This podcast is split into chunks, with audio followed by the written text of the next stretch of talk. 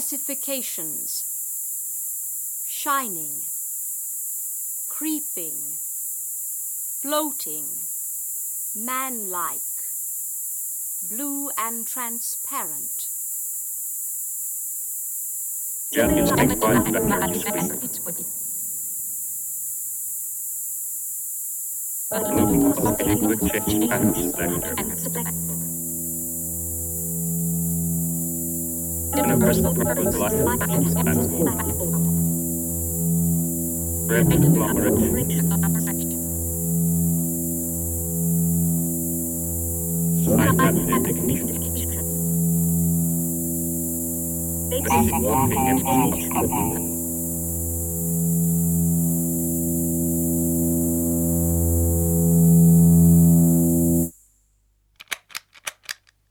My name is Mats Lindström, and I am the director of the electronic music studio in Stockholm.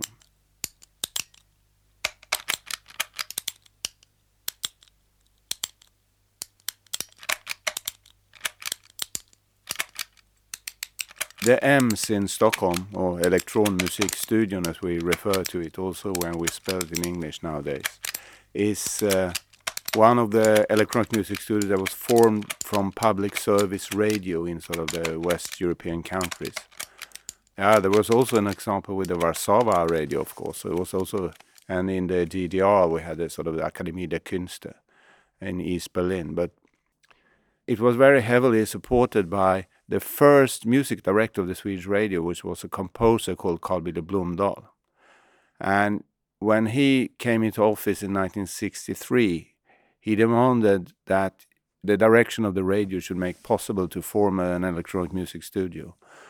So he took a Norwegian, very sort of radical composer called Knut Wiggen and put him into charge of the project to form an electronic music studio. the Fylking Society is a sort of free society formed by artists.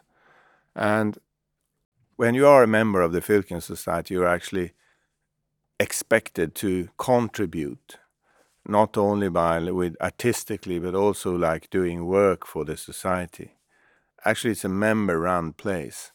So, as you are contributing to this kind of community, you also learn a lot, and you sort of you have contacts with like people all over, sort of internationally, nationally. In that sense, it's it's some kind of sort of education with like many interns uh, providing work for the organization. And at all times, the experimental music has been important for the Fylking. If Fylking was formed as a chamber music society in order to get music performed from like chamber music composers in the 1930s. And it was radically changed when Knut Wiggen took over as, as a president in 1959, where it turned more into experimental music, electronic music arena. And in 1984, when EMS decided to move to a new location in an old brewery, which actually EMS decided to move there, Fylking also moved there. And the, the community of members at Fylkingen has, to a great extent, also been users and composers worked at EMS. So there is, is there is no formal connection, but there is an informal connection because people are moving quite freely in between the institutions that many of the members of the Fylking Society also work at EMS.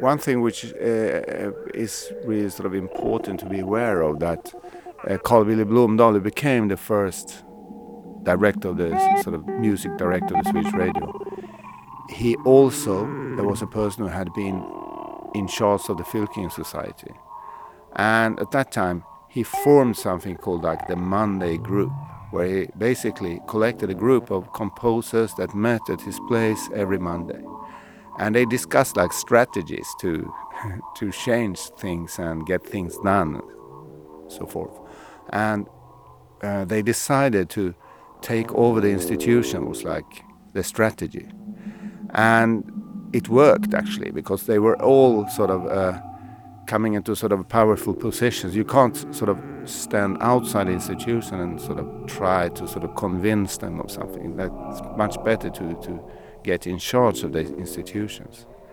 And then, of course, there's power struggles.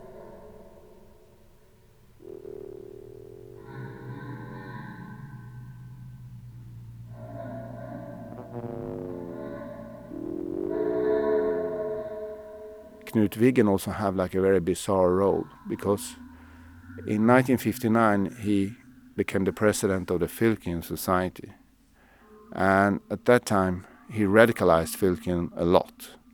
Actually, he almost tried to ban instrumental music and uh, pointing out the direction of like new music as music, electronic music, music of the future is pretty much made by computers, I guess uh, they were actually having discussions on like banning pianos and and instruments on Fylking concerts, and there are loads of sort of documents from that time. But he became the director of the EMS in 1964, and at the same time he kept his position in the Fylking Society, which means that Fylking never got any kind of formal influence on sort of the foundation of the, sort of the EMS Foundation in 1969, 1970, because it was already the president of Fylking who was the director, so it was not necessary to have a kind of representation from the Fylkingen society inside the board of EMS, for example. The struggle was also about money because EMS and Fylking, it's very blurry who is actually EMS and who is Fylking when we talk about 1965 66 and there was this famous conflict around this festival that was about to be around. Fylking actually managed to get like quite a massive funding to do a technological kind of future festival. And if you throw money into a society like Fylking, there may be sort of different kind of interest. And there was one group around Billy Klüver, the Swedish engineer who worked at the Bell Laboratory in, the, in New York, and Öyvind Fahlström, for example, and some other artists that wanted to have a artistic exchange. And I think, you know, there is very possible that in this museum where we are right now, there is one video running from the nine uh, evenings of art and engineering, which took place in New York, 1966. And pretty much that was the idea that Öyvind Fahlström and Billy Klüver had that uh, the nine evenings of art and engineering should sort of be a, a double uh, faced festival with like performances in Stockholm and with Fylking as a center and and in New York with like the engineers from Bell's Laboratory and, and probably Swedish engineers also being part of it. But Knut Wiggen was really keen on getting more money for the computer music project at EMS. So actually, he was running this kind of thing that it became a fundraising event, which was also, I must say, uh, you know, I can't say that Wiggen's conference was less important, but the result was that the economical resources of Fylking was targeted to a conference called Visioner av nuet, Visions of the Present, or Visions of the Now. I can't remember sort of the translation now where he, for example, invited people like Iannis Xenakis talking about computer music, and there was also performances, I think, by Alvin Lucier was there. You know, it wasn't a bad conference or bad thing, but the conflict led to the case that Öyvind Fahlström actually left the Fylking Society, and in a sense, he also left Sweden by then.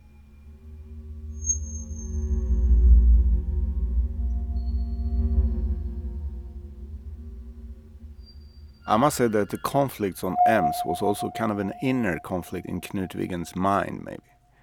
Uh, because he told me that he was married to a painter whose name is still Wiggen, Ulla Wiggen, at that time. And from that, he got the idea, and also maybe inspired by Xenakis, because you know the French tradition is like totally possessed by translating pictures into sound and things like that, uh, some kind of technological synesthetic phenomenon or something. But anyhow, he developed this kind of thing with that you can actually have a copper brush and you can paint the parameters into the computer. Uh, actually, he wanted a perfect instrument to compose music together with the artist in, in sort of a perfect man machine uh, collaboration. You, you could go into the room and pick up the brushes and have an artistic idea, and you can collaborate with a computer and sort of some kind of artificial intelligence. I think that was a little bit around the sort of vision he described. At the same time, this kind of tactile approach to this thing was more or less forbidden from Wiggen because he wanted everybody to learn sort of the long way and go from the beginning. And I think that was a source of the conflict. But I get very confused. Like the last time I had an interview with Knut, like proper interview, that was almost 10 years ago now. He was super stubborn and was still into that. The small room, the uh, sound workshop, that wasn't Ems. That room belonged to the Swedish radio. And they forced me to have it. Uh, the only thing that's made at Ems is basically the thing that's made in the large studio, and probably up until he left.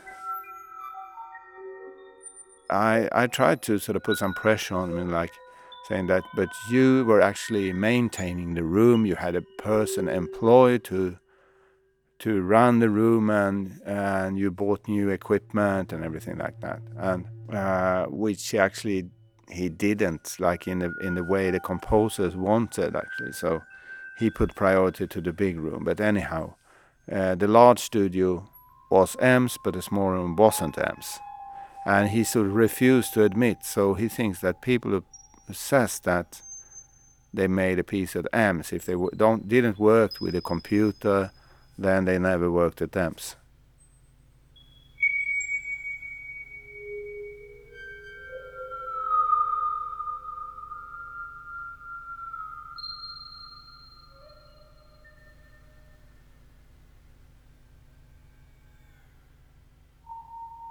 In 1950, after the Second World War, I think half the Swedish population were living in the countryside.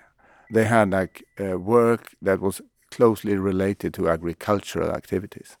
And in this kind of way, we had an advantage in Sweden because we were never bombed by the neither the Germans or the Russians or the Americans. So uh, we, we, we were a nation with a big industrial advantage. And it was also promoted heavily by the social democratic government. Technology was uh, was the thing where, you know, like education, engineering, uh, all this kind of stuff was like heavily thing. Also that since the 1950, around 1950, and up until all the way up until 1968, Sweden were running a, a independent project to get an atomic bomb. Of course, you had to have a culture which is like adopted to this kind of new thing with the urbanization and everything. So all the heavy support for this kind of ideas, uh, there are sort of uh, there are documents from from like the 1950s and 60s where people from the Swedish government actually discussing that computers can maybe take over the role of the sort of the uh, of, of many sort of state servants. Uh, so you can have a computer with reform ideas that spits out reform ideas, and the politician can change uh, which reforms to impose. And so I think there was a sort of a general climate in the Swedish society with this kind of waiting for the future. It's kind of a science fiction ideas. And you can see it in American cars, for example. You can see it everywhere uh, globally. So it was not isolated, sort of isolated Swedish phenomenon. It was something that was hand in hand with electronic music. And of course, the composers and people around the Fylkingen and EMS environment, they also sort of um, get infected by the same kind of positiveness about uh, technology and everything like that. So actually we lost much of the sort of old equipment and stuff because the engineers also have this uh, attitude. Like yesterday's tools, you know, you can just throw them away and they are not interesting anymore. And I think there are many studios have lost sort of their old equipment and all the things because, you know, what's, you know, invaluable today is like uh, useless or sort of worthless in a year or something like that. So there was this kind of the new stuff all the time. And I think that goes for the aesthetics as well.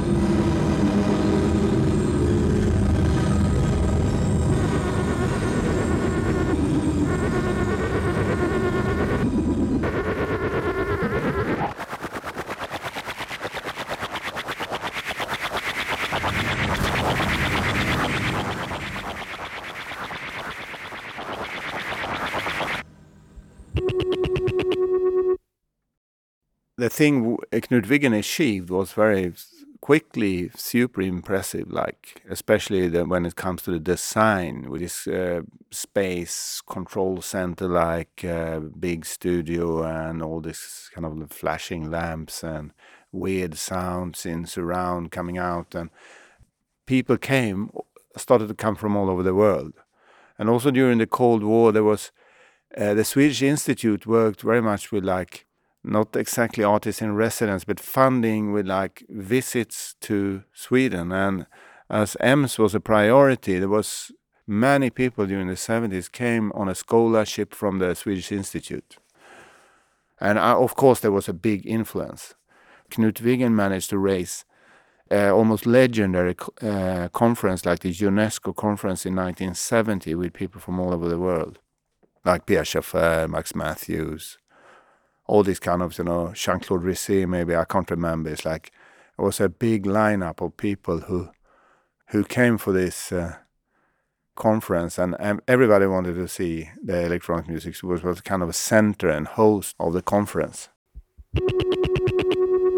When it comes to sort of the history of EMS, there's no way to describe the importance of Knut Wiggen because he was a master in like uh, getting the funding for this, and, and also he invited so many people to come to EMS, he really made it an international hub and and made this kind of international reputation. The other sort of era, which is like really strong, is like the Lars Gunnar era.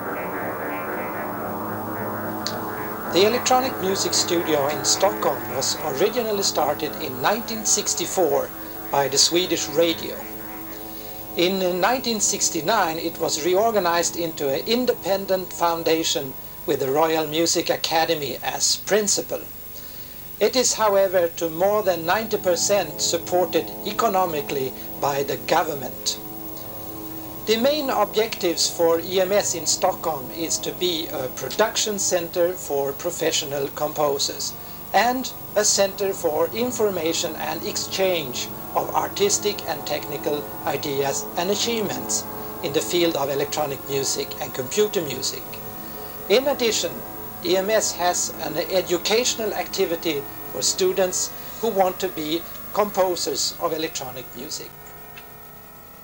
What Lars Gunnar Bodin did was he was traveling around at that time. I think he was carrying like quarter inch tapes.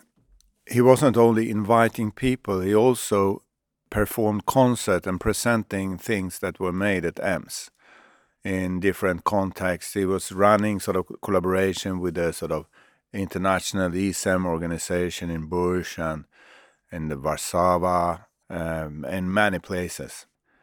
one other important thing was that Lars Gunnar moved from the old studio environment to the new one, which is now in the München Bryggeriet, the old brewery or factory in Södermalm, uh, part of the city, which makes EMS much bigger and several smaller room.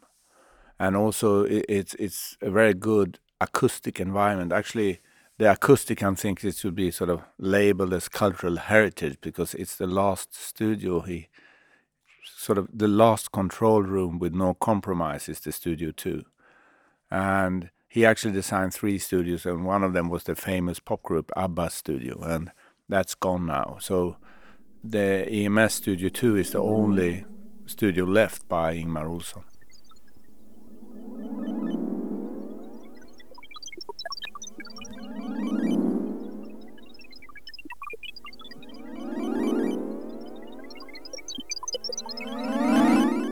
We also have to remember that as it is sort of a limited amount of people around, there was also people excluded by the the EMS directors and and I've seen, for example, letters from a composer by the name of Erik Nordgren, who was quite important film composer in Sweden. He was also the director of the sort of the music department for the, like the Swedish film production and he asked for permission to sort of work at EMS from from the early direction of EMS, and he was denied. I think because they thought that he already had another platform, and or it wasn't sort of there was something that excluded him from from working at EMS. So he produced quite interesting electronic music in his own studio. He was never allowed to work at EMS. And a person like Åke Odell, for example, he was brought into sort of the environment and was allowed to work there because of the connection, I think, with maybe like the Fahlström and the Swedish radio, sort of from the beginning, the fact that he had this kind of relationship with the Swedish radio. But he wasn't even a member of the sort of Society of Swedish Composers, so it's I, I think it was quite random who was like uh, it was at that time it wasn't an open environment i would say. I think it's also amazing that how conservative some societies can be like which have this kind of self picture as being like really radical. For example the Fylking society i've heard this story which is involves the ems engineer where the composer Rune Lindblad was doing a piece and he was like just spitting out pieces with like a clear experimental idea and he was like he was executing his idea and it became like an opus. And there's one piece by Rune Lindblad. He was like borrowing the test tape from Göran Svensson the engineer at EMS and and he just integrated these kind of pulses and noises and, and sweep like frequency sweeps and stuff into his composition as a sort of ready-made. And people at Fylking Society became extremely upset that he was actually cheating and just taking something like state property and used it in his composition as if it was um, art. And that was 1970s, it was like 60 years after Marcel Duchamp's uh, Ready-Mades. And actually there was a discussions in Fylking to sort of exclude Rune Lindblad from the sort of membership uh, at Fylking.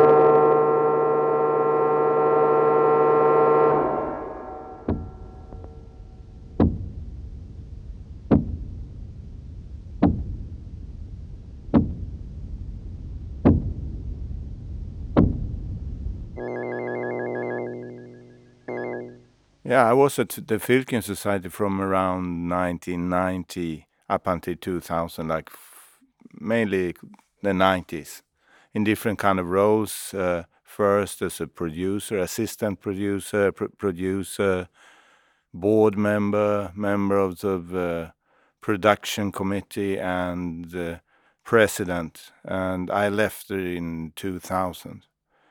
And when I say that I did my 10 years at the Fylking, I mean, it, it also has a reference back to what I talked about earlier when it comes to this, the Monday group formed by Karl-Birger Blomdahl, because Blomdahl said that everybody have to do their military service in the sort of their music life. Very much of the sort of the, the sort of the company culture, what you can say in this Fylking society, is formed from the sort of the original thing to take possession of the institutions and and I also benefit a lot from that. You know, when I was there, it was pretty much sort of just a phone call and then sort of the back door of the Swedish radio opened and you can sort of actually do stuff on a very sort of basic level. Actually, if we needed to have like microphones for an electronic music production at EMS, it was possible to just borrow some expensive microphones. You can get a sort of a production number as sort of a, pro- a registered production from one of the producers at the Swedish radio. So it was actually existing production, but it was not a commission. And and you can you can borrow equipment like even like uh, very expensive Kunstkopf from uh, recording uh, heads for binaural recordings from Neumann microphone Germany and stuff like that could could actually be accessible for an EMS composer. And I remember when I was sort of purchasing records with sound effects from like uh, on 78 RPM records, and and then actually Swedish radio helped me to transfer them to tape. So there was a really good connection between sort of the community with a base in the Fylking Society and uh, the EMS and the Swedish radio, and so everything was quite simple. The reason why it was simple was the Fylking's role as some kind of university for people who worked with like new music. So, uh, because former board members uh, sort of moved to other positions, they took possession of an institution like a prod- producer's uh, role in the Swedish radio. And there was loads of old Fylking members there you could actually call and say, you know, you, this is Mats, I'm calling from Fylking.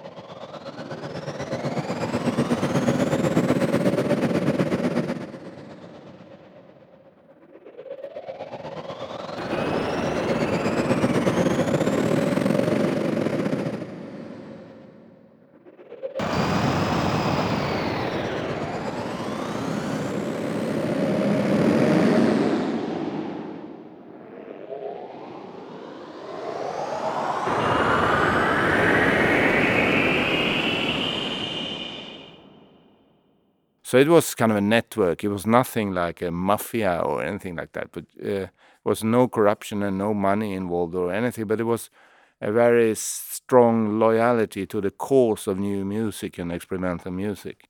Och når.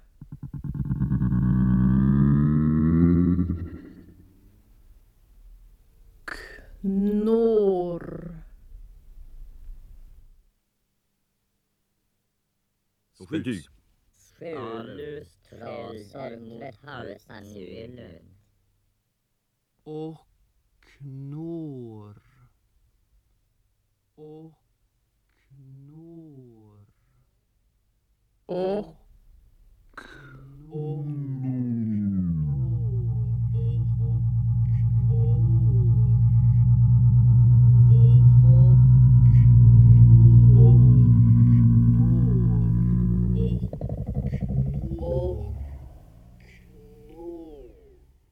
In Sweden, after the Second World War, there was no state agencies or anything. Now we have like an arts council, we have the arts grants committee, we have different sort of we have the Statens Musikverk, which is like uh, we have several sort of state agencies for the support of like to run the cultural policy. The government has the Department of Culture has this, but after the Second World War, it was basically the public service. It was like Swedish television, Swedish radio. That's it. Uh, in order to to educate the masses or whatever, it, I think uh, that was a tool on hand, so to speak.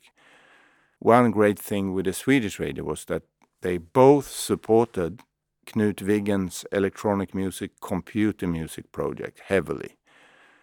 But there was also this kind of language group that supported people who worked more with intuition and needed microphone, tape recorder, and studios, as we can hear, for example, in early pieces by Åke which was uh, and Sonja Åkesson, that was independently produced.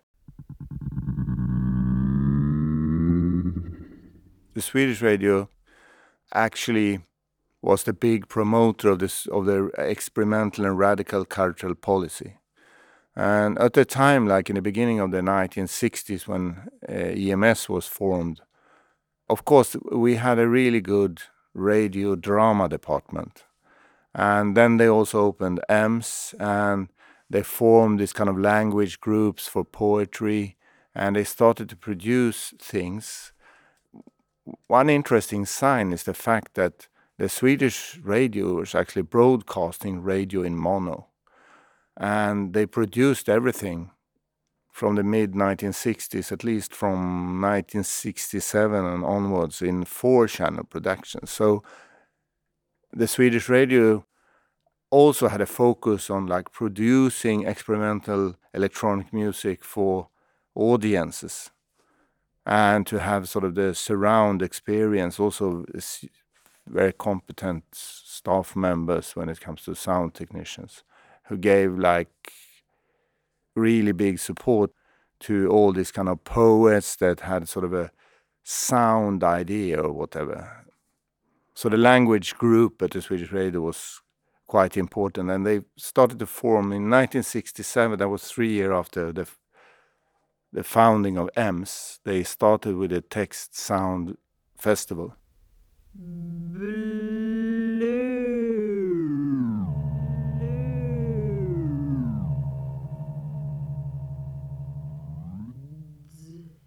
It's all started actually. The document of the start is like in this in this house in the archives of MACBA. It's uh, Pierre Schaeffer's book from 1950 or something, uh, full of notes from Öyvind Fahlström. Because in 1952, when the Swedish radio organized, uh, together with the Fylking Society, organized the first electronic music uh, concert inviting Pierre Henry and Pierre Schaeffer from Paris, presenting a program. Then Öyvind Fahlström was in the audience, and he he was like totally convinced, I think, when he went away, and he started to write on this uh, manifesto for concrete poetry. So the kickoff for the for the text sound was actually in 1963. It was 10 years after Öyvind Fahlström had made his manifesto for concrete poetry. So it was kind of a Swedish branch of Poesie Concrète. And Swedish Radio commissioned the, the birds in Sweden, Fåglar i Sverige, in 1963. And the same year, uh, the poet group Swish had this had a quite a famous uh, show at the ABF House, which is sort of the workers' education organization, where, for example, Åke Hodell's Igevär and General Bussig was performed, as well as I think Bengt Emil Johnson's Gubbdrunkning and some other sort of porta pieces uh, from from the text sound tradition.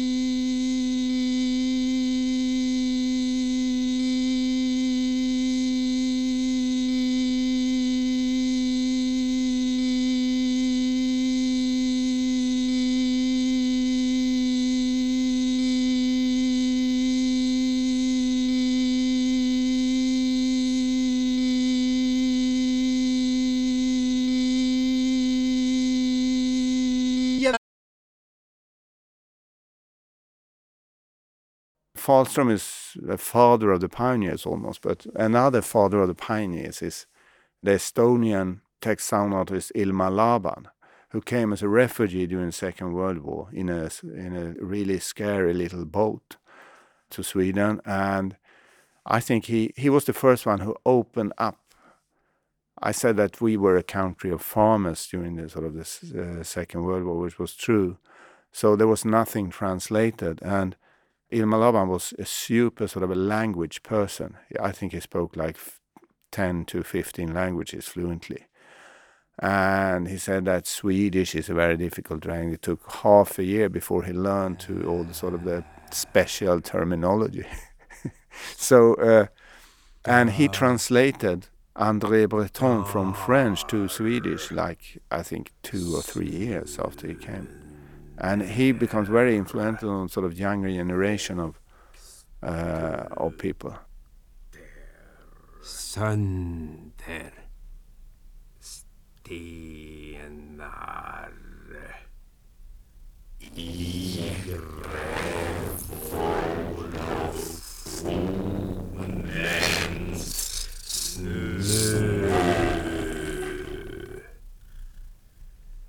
En stentor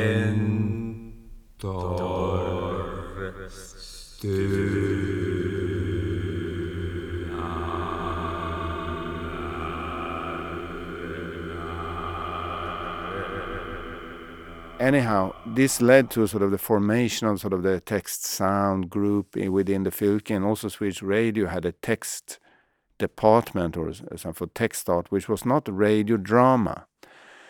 It was kind of a a stand beside what was called uh, what was referred to as poetry reading or traditional radio drama. So actually, I think you know famous directors like Ingmar Bergman directed classical plays by August Strindberg as radio plays, but this was something different. I think you know that it was referred to as the sort of language group. I think it went beyond sort of the traditional poetry and drama productions of Swedish radio. And they started to commission pieces. And in the beginning of the 1960s, in 1963, Öyvind Fahlström did this Fåglar i Sverige, Birds in Sweden radiophonic piece for the Swedish radio, which was a omnophonopoetic, quite bizarre storytelling.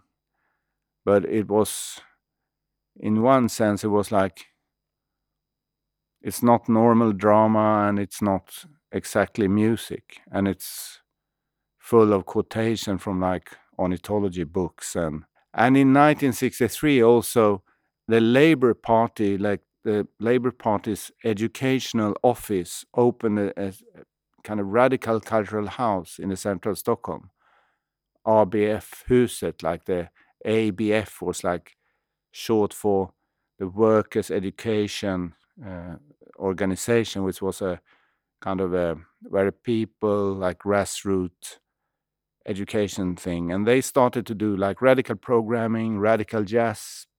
People like Ornette Coleman, Albert Ayler, and people like that played in his famous uh, jazz club Fönstret, the window. And uh, also, the Knut Wiggen, the president of the Fylking Society, started to make a, a first electronic music, inviting electronic music studio, inviting people from all over Europe to come and teach like the young Swedish composers how to handle tape recorders and and electronic equipment. General Bibo, CB, When it comes to the early years of the Swedish text sound composition, it's quite it was not so much sound treatment. It was basically playing with language and the voice itself, like in Sonja Åkesson's Nei is basically sort of a same kind of pieces, the Åke Hodell's General Bussig, General Buddy Buddy. General Bussig! General Bussi, General Bussi, General Bussi, General Bussi, General Bussi, jag vill lyda order, jag vill lyda order, jag vill lyda order, jag vill lyda order, jag vill, jag vill, jag vill, jag vill, jag vill, jag vill lyda order, lyda, lyda, lyda, lyda, lyda order, order, order, order, order, order, order, jag vill lyda order, jag vill lyda order, jag vill lyda order, jag vill lyda order, order vill jag lyda, lyda vill jag order, order, jag vill lyda, lyda, jag vill order, jag vill lyda order, jag vill, jag vill, jag vill, jag vill order, jag vill lyda order, vill jag lyda, lyda, vill jag order, lyda, vill jag order, jag vill lyda order, order, jag vill lyda, lyda, vill jag order, order, vill jag lyda, lyda, vill jag order, jag vill lyda order, jag vill, jag vill, jag vill, jag vill, jag vill, jag vill, jag vill lyda order, jag vill lyda order, General Bussi, General Bussi, General Bussi, General Bussi, jag vill lyda order. both has the same kind of political in one sense like a feministic and in the other sort of anti-militaristic kind of thing. But it was like quite simple like using the voice and it was mm. Not so different from the early recordings of Kurt and Raoul Hausmann and, and the, uh, the original Dada movement.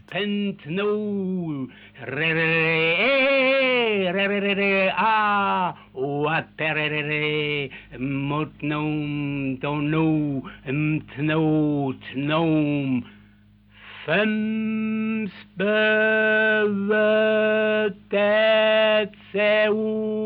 pagis offe peut-être but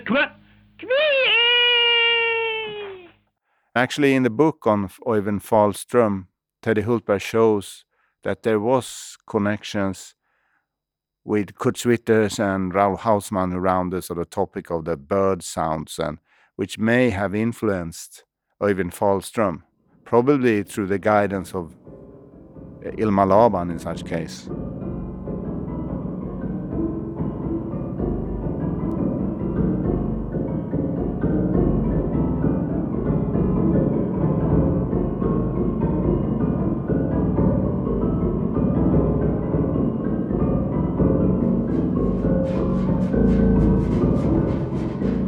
First piece is called Semicolon Seance, which is kind of a happening executed in this old radio drama department studio, which was turned into the electronic music studio. And we can hear even Fahlström's voice when he says, Vi befinner oss alltså på grusgången.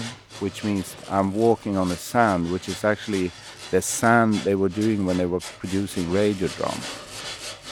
Det är tydligt att vi befinner oss på grusgången. Vi får hoppas att maskineriet inte rasslar.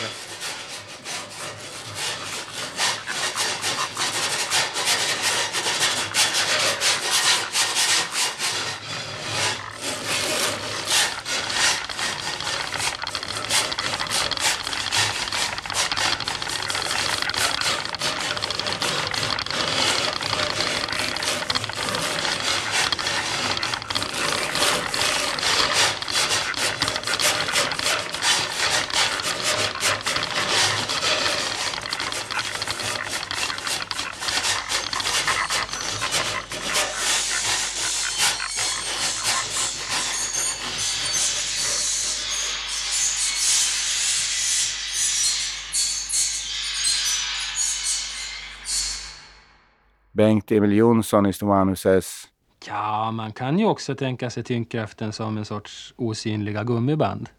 which means that you can always imagine gravity as some kind of invisible rubber bands. Ja, man kan ju också tänka sig tyngdkraften som en sorts osynliga gummiband.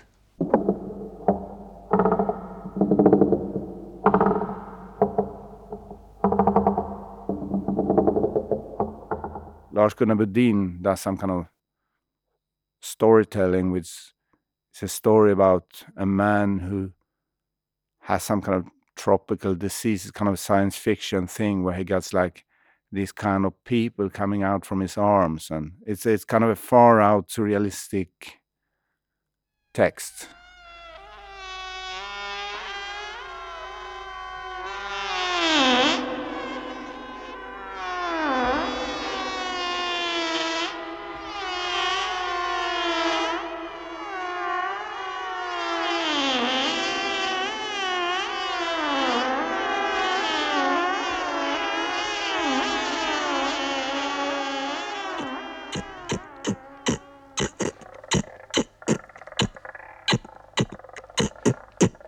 Han sa, det är samma symptom som jag lagt märke till hos personer som kläms till döds i en folksamling. Han svarade, skulle jag ha rätt så kommer ni att befrias för alltid om ni utsätter kvarlevorna för starkt solsken. Man kan tillbringa en stor del av sitt liv med att undersöka denna speciella soptunna. That was the first piece where the composer himself were allowed to touch the mixer. And it's it's counted as the first piece that came out of EMS. And of course that was produced in the sound workshop.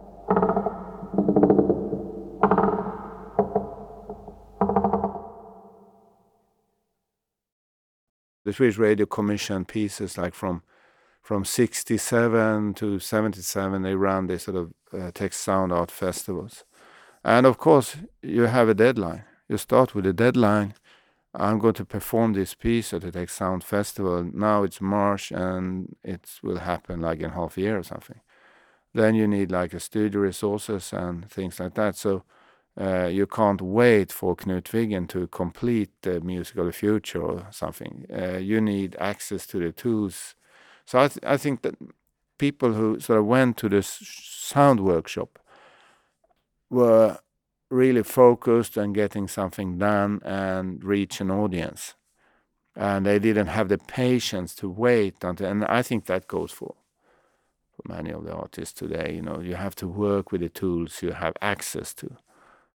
And in this case, it was the sort of sound workshop. Det spelar ingen roll längre. Det är överspelat. Det är ett passerat stadium.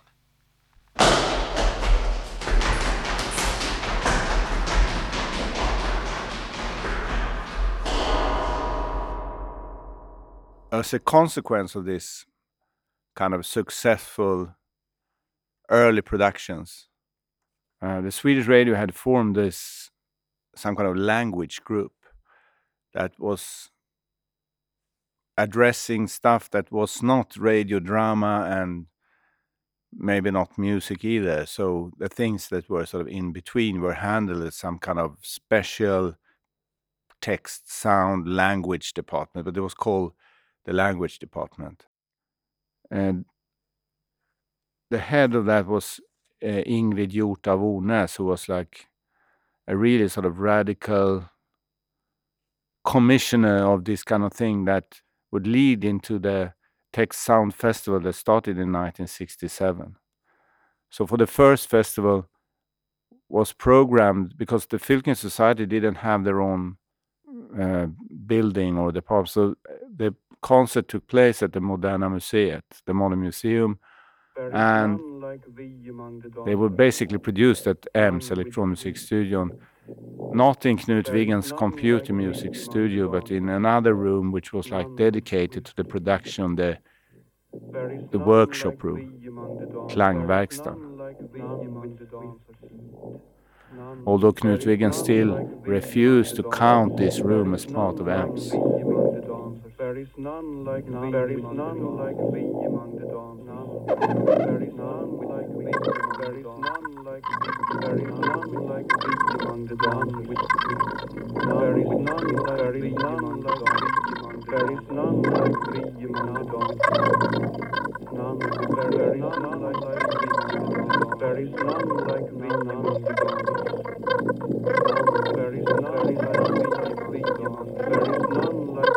thee among that was much much more important for when it comes to the records of I don't mean phonograph records now, but the sort of the archiving of, of stuff that's done at EMS. Or I can see sort of records uh, in a record shop as well that says that composed at EMS. And in most cases, that means it's composed in a sound workshop, which was a, a place where most of the sort of famous text sound art uh, was composed. And in the big studio was a few few pieces composed by important men from big institutions. The main studio swallowed most of the resource, economical resources targeted to amps, but in the small room there was more hands-on equipment like record players, filters, tape machines, microphones, radio receivers, things like that, which was basically needed to do this kind of productions we had a deadline which in because the computer music studio was still not installed and it was still in sort of the research mode.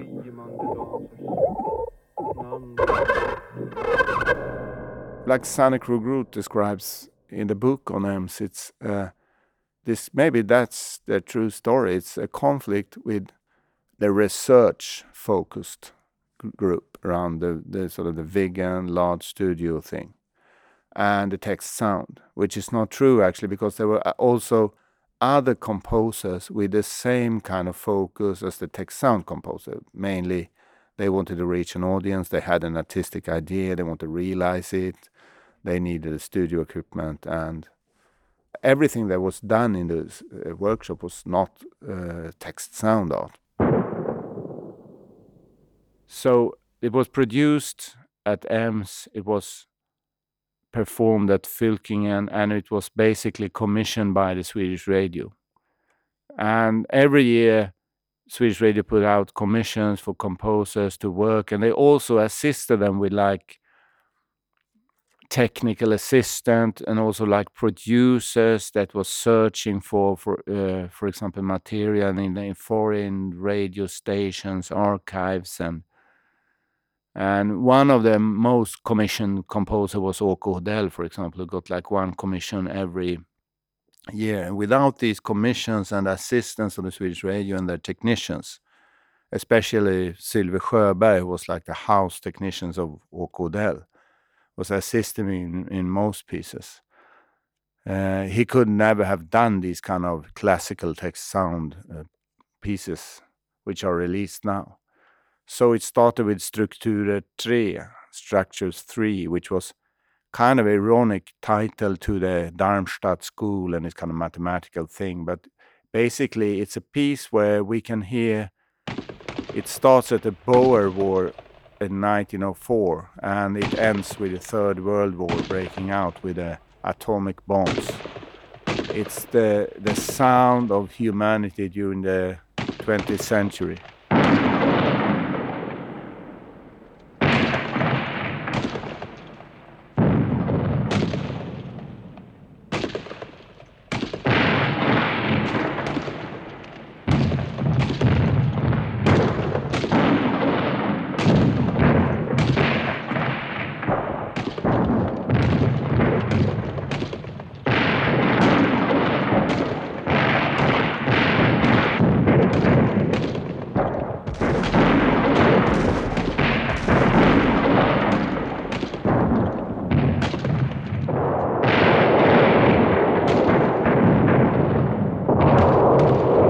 So there are some Boer War in In the start, and then it comes like Second World War, and it's only sound from different kind of weapons. So that's like this kind of opera rolling sort of script.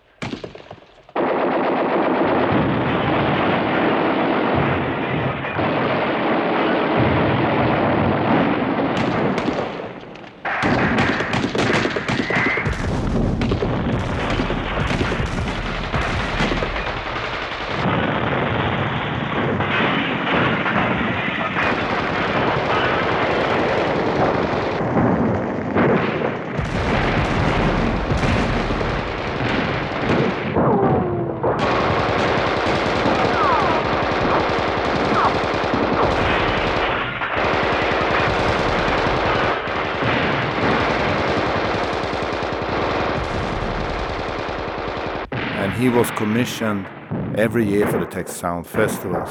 And later he was having a period when he was like producing radio drama, which was basically that was the department of radio that produced his pieces, and very hard for him. eh, eh, For him, it was also sort of a division that he refers to this as sort of sound art, and which was produced by the music department, and uh, and the pieces that was commissioned by the drama department was referred to as sort of radio plays.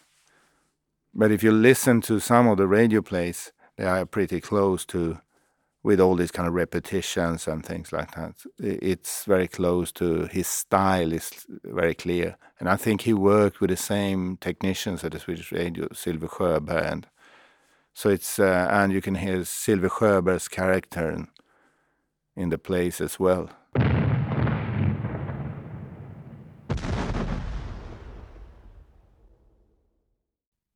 I think that there's actually not one sort of general definition of what text sound is. It's like I would say that many of these people presented in the Stockholm text sound festivals has their own style. For example, I could refer to a person like Henri Chopin as a more like a noise performer using the voice for some kind of quite modern style, I would say. And uh, he was kind of a primitive pioneer noise musician, I would say. And I think that Åke Hodell has his own political style. When it comes to Sten Hansson, he's very influenced by these kind of Fluxus performances. He also made many Fluxus performances, also together with Bengt af Klintberg and this more like theatrical performance tradition. Many of these text sound performances are actually performances. It's not something I listen to to radio all the time. It's like it's not for me. I think that I experience this as a performative kind of output.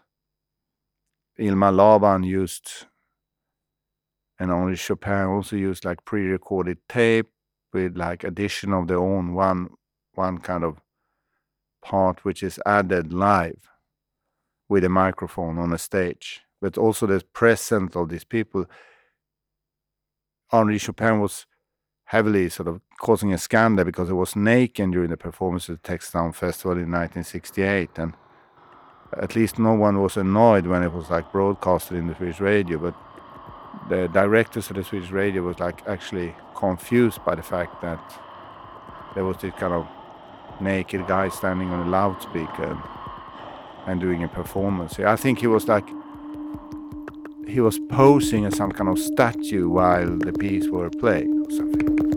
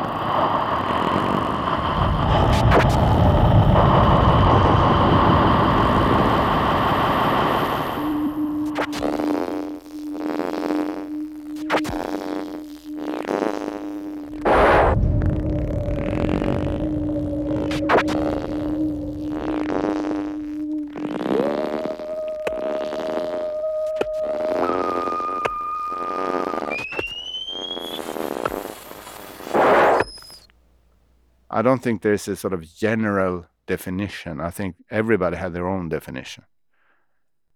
For me, sound was some kind of performative tradition because I I can pretty much see how it always were connected to some kind of stage presence. Also, when it was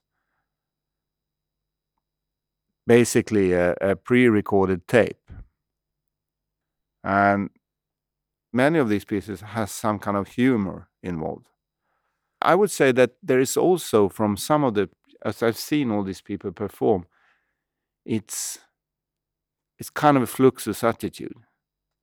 It's very absurd and and funny to see it was very funny to see, for example, Ilmar Laban on stage. It was hilarious. Lallande. Brev. Bra. Bravo! Bravo! Långsamt. Den döda duvan flyger. Du som hör den döva duvan flyga långsamt. Vi skall vänta och älska och värma elden långsamt.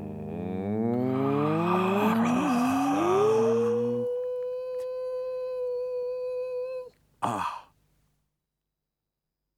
Yeah, and also, for example, the Fluxus movement was important for a person like Sten Hanson. Is like he was hundred percent pure Fluxus in one uh, sense, but it was like comedy, and and I think that many of his pieces actually became much better on stage during the late years because it was more tragedy around some of the pieces he performed when he was becoming like older and it was obvious that especially pieces when he's like the piece when he's awake in the middle of the night and he's eating porridge and he's like has anxiety because he's afraid of death it's like really really it's still funny but it's uh, also has this kind of strain of something really black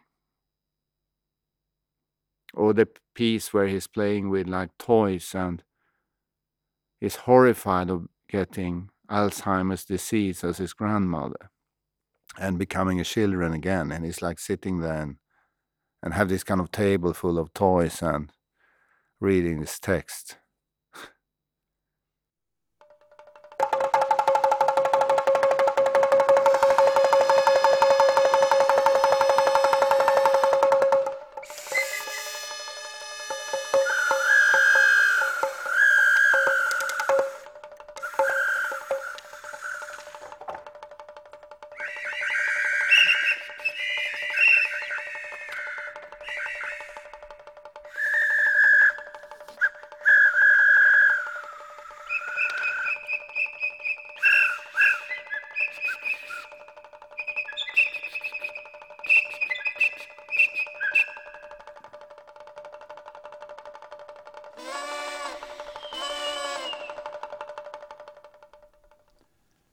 Storse gick till sjön för att vette sina nät. Bort till Bisse Basselurifaxebom faller alla då så i ho som låg där och flöt. Bort till Bisse Basselurifaxebom och hej upp på hav och hu var i ho. För dig är lika fille kaffekugg ska det vara för bort till ljung, ljung, ljung. Bort till Bisse Basselurifaxebom.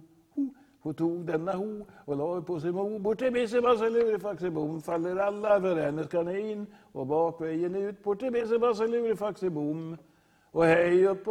Hu var i ho. För det för.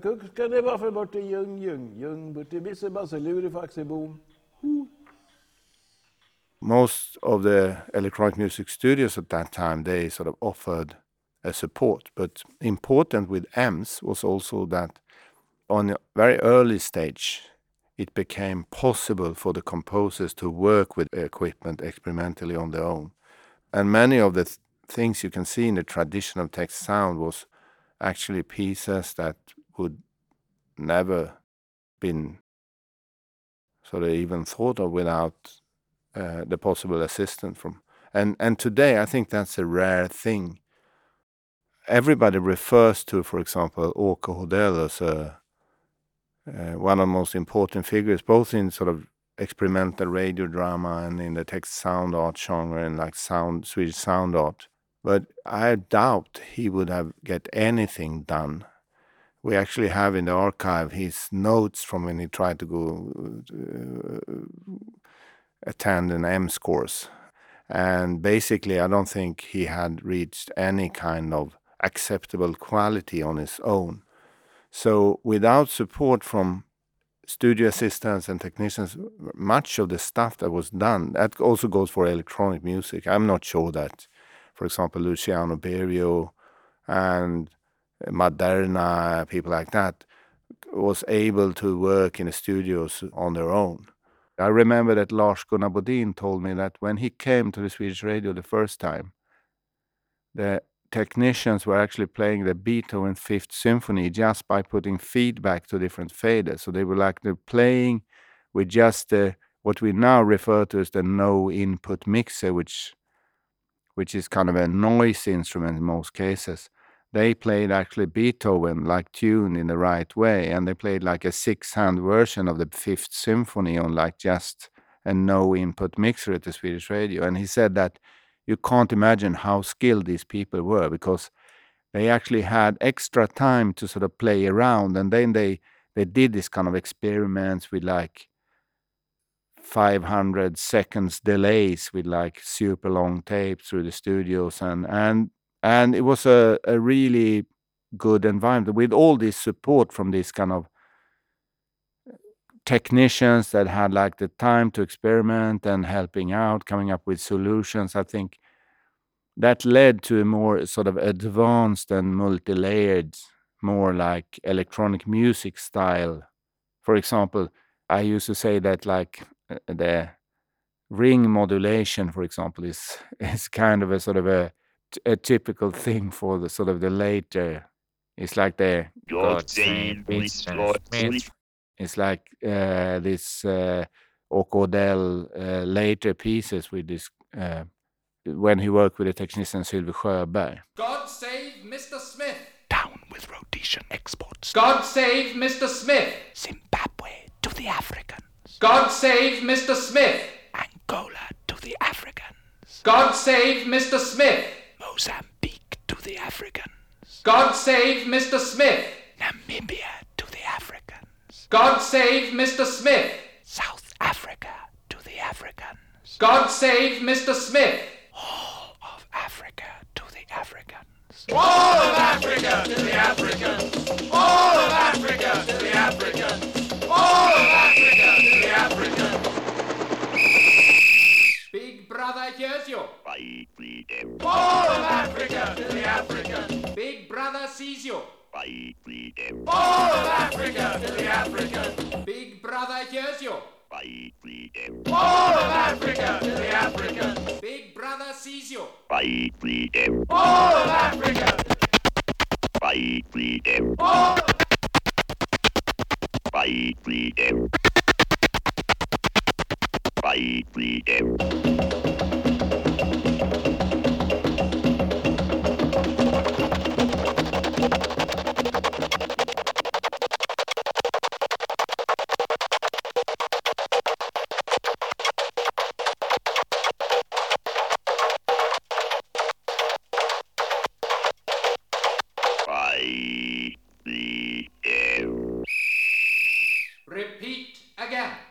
Well, if I should sum up the first 10 years of production at EMS, uh, it's very much of the text sound uh, tradition. And of course, there is a difference with this, the computer music that were produced in the, in the sort of large studio. There are many qualities with both kind of thing, but there are also examples of composer that moves in between, like for example Lars Gunnar Bodin, who's working both with like computerized sound and this text sound genre. And he's actually also defined himself as a poet, just as Hodell, and a visual artist as well. So it's a, it's kind of a typical example. And of course, I can't see sort of a clear tendency or anything, but it's clearly two different sort of production facilities, and you can hear the difference. From 75 to, I would say, up until 1990, like the, it's very much that everything is produced with sound generators at the electronic music studio. So it's the stuff people didn't have like home studios or home equipment in the same sense. So that's also kind of a typical thing. We have the clear the tendency of the frequency modulation synthesis during the 1980s, for example, when there was a fashion in electronic music to use it. There are many composers that work with sort of computer music like Tamas Ungvary, for example, did like great stuff with with the sort of the uh, EMS computers, both the PDP 15 and later the VAX machine. And but there is also other artists like Roberta Settles, for example, who I think she worked between IRCAM in Paris and and also um, worked in a in so to speak sound workshop at EMS.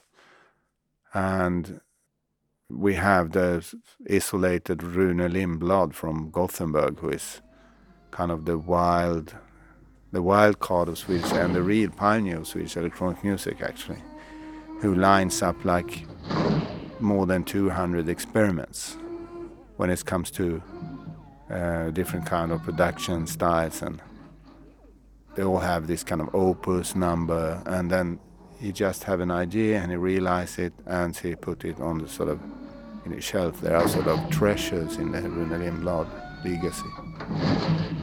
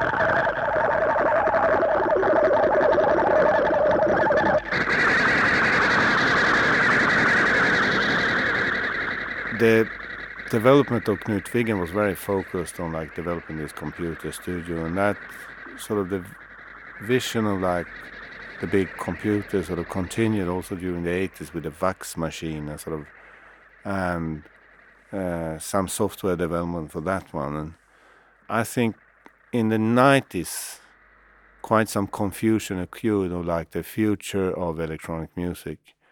And EMS was going into sort of a an idea getting a so-called next station, which was like an it was called the IRCAM station, was developed by the IRCAM in Paris together with a computer company NeXT. So there was basically a dead computer standing in a larger studio, uh, which nobody used, and nobody knows knew how to use it. The only thing I saw it in use was when I was the producer at Fylking and we borrowed the next computer for a concert with Cort Lippe.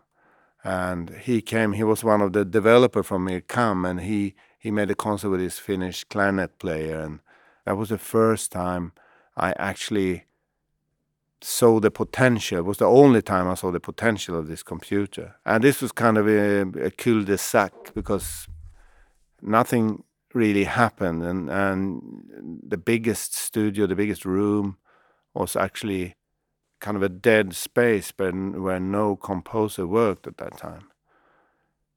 And then this kind of home studio like computer stations were developed, these kind of personal stations. But there was also fun, funny confusions around how to build the perfect workstation. And there were still puristic composers who dreamt about like EMS regaining its glorious computer music reputation by starting software development projects and things like that. But it was too late.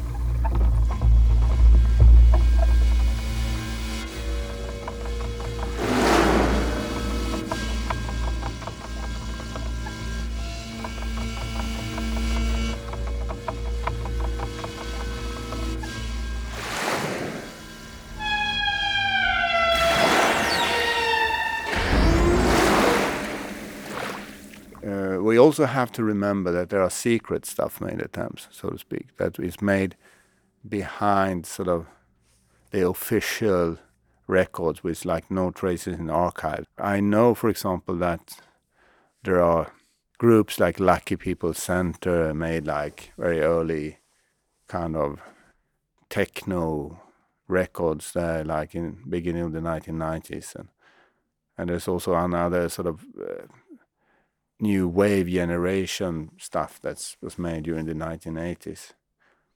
That was not sort of approved by the direction, but uh, the official thing that's done from the sort of 1990s, like um, it's still, I think, affected by this genre of electroacoustic. It's a kind of typical thing. It's like that EMS was part of sort of the electroacoustic tradition. Uh, there was not much live electronics and not these kind of things. It's uh, the same tradition that you can see in British universities now, preserved in the in the academic world, uh, and that was typical, I would say, until the late 1990s. And now there's a big variety in what's done. Uh, I've been working as a director since 2004, and one of the first thing I did was to open the studio for people who also, of course, as I work with live electronics myself, it's like I think I attracted and had this kind of uh, contacts with people who works in this kind of field. So I invited many people who's coming from sort of the live electronic thing, but also people that came from other educations than the conservatories. So, for example, there are many media programs and sound art programs and in art schools.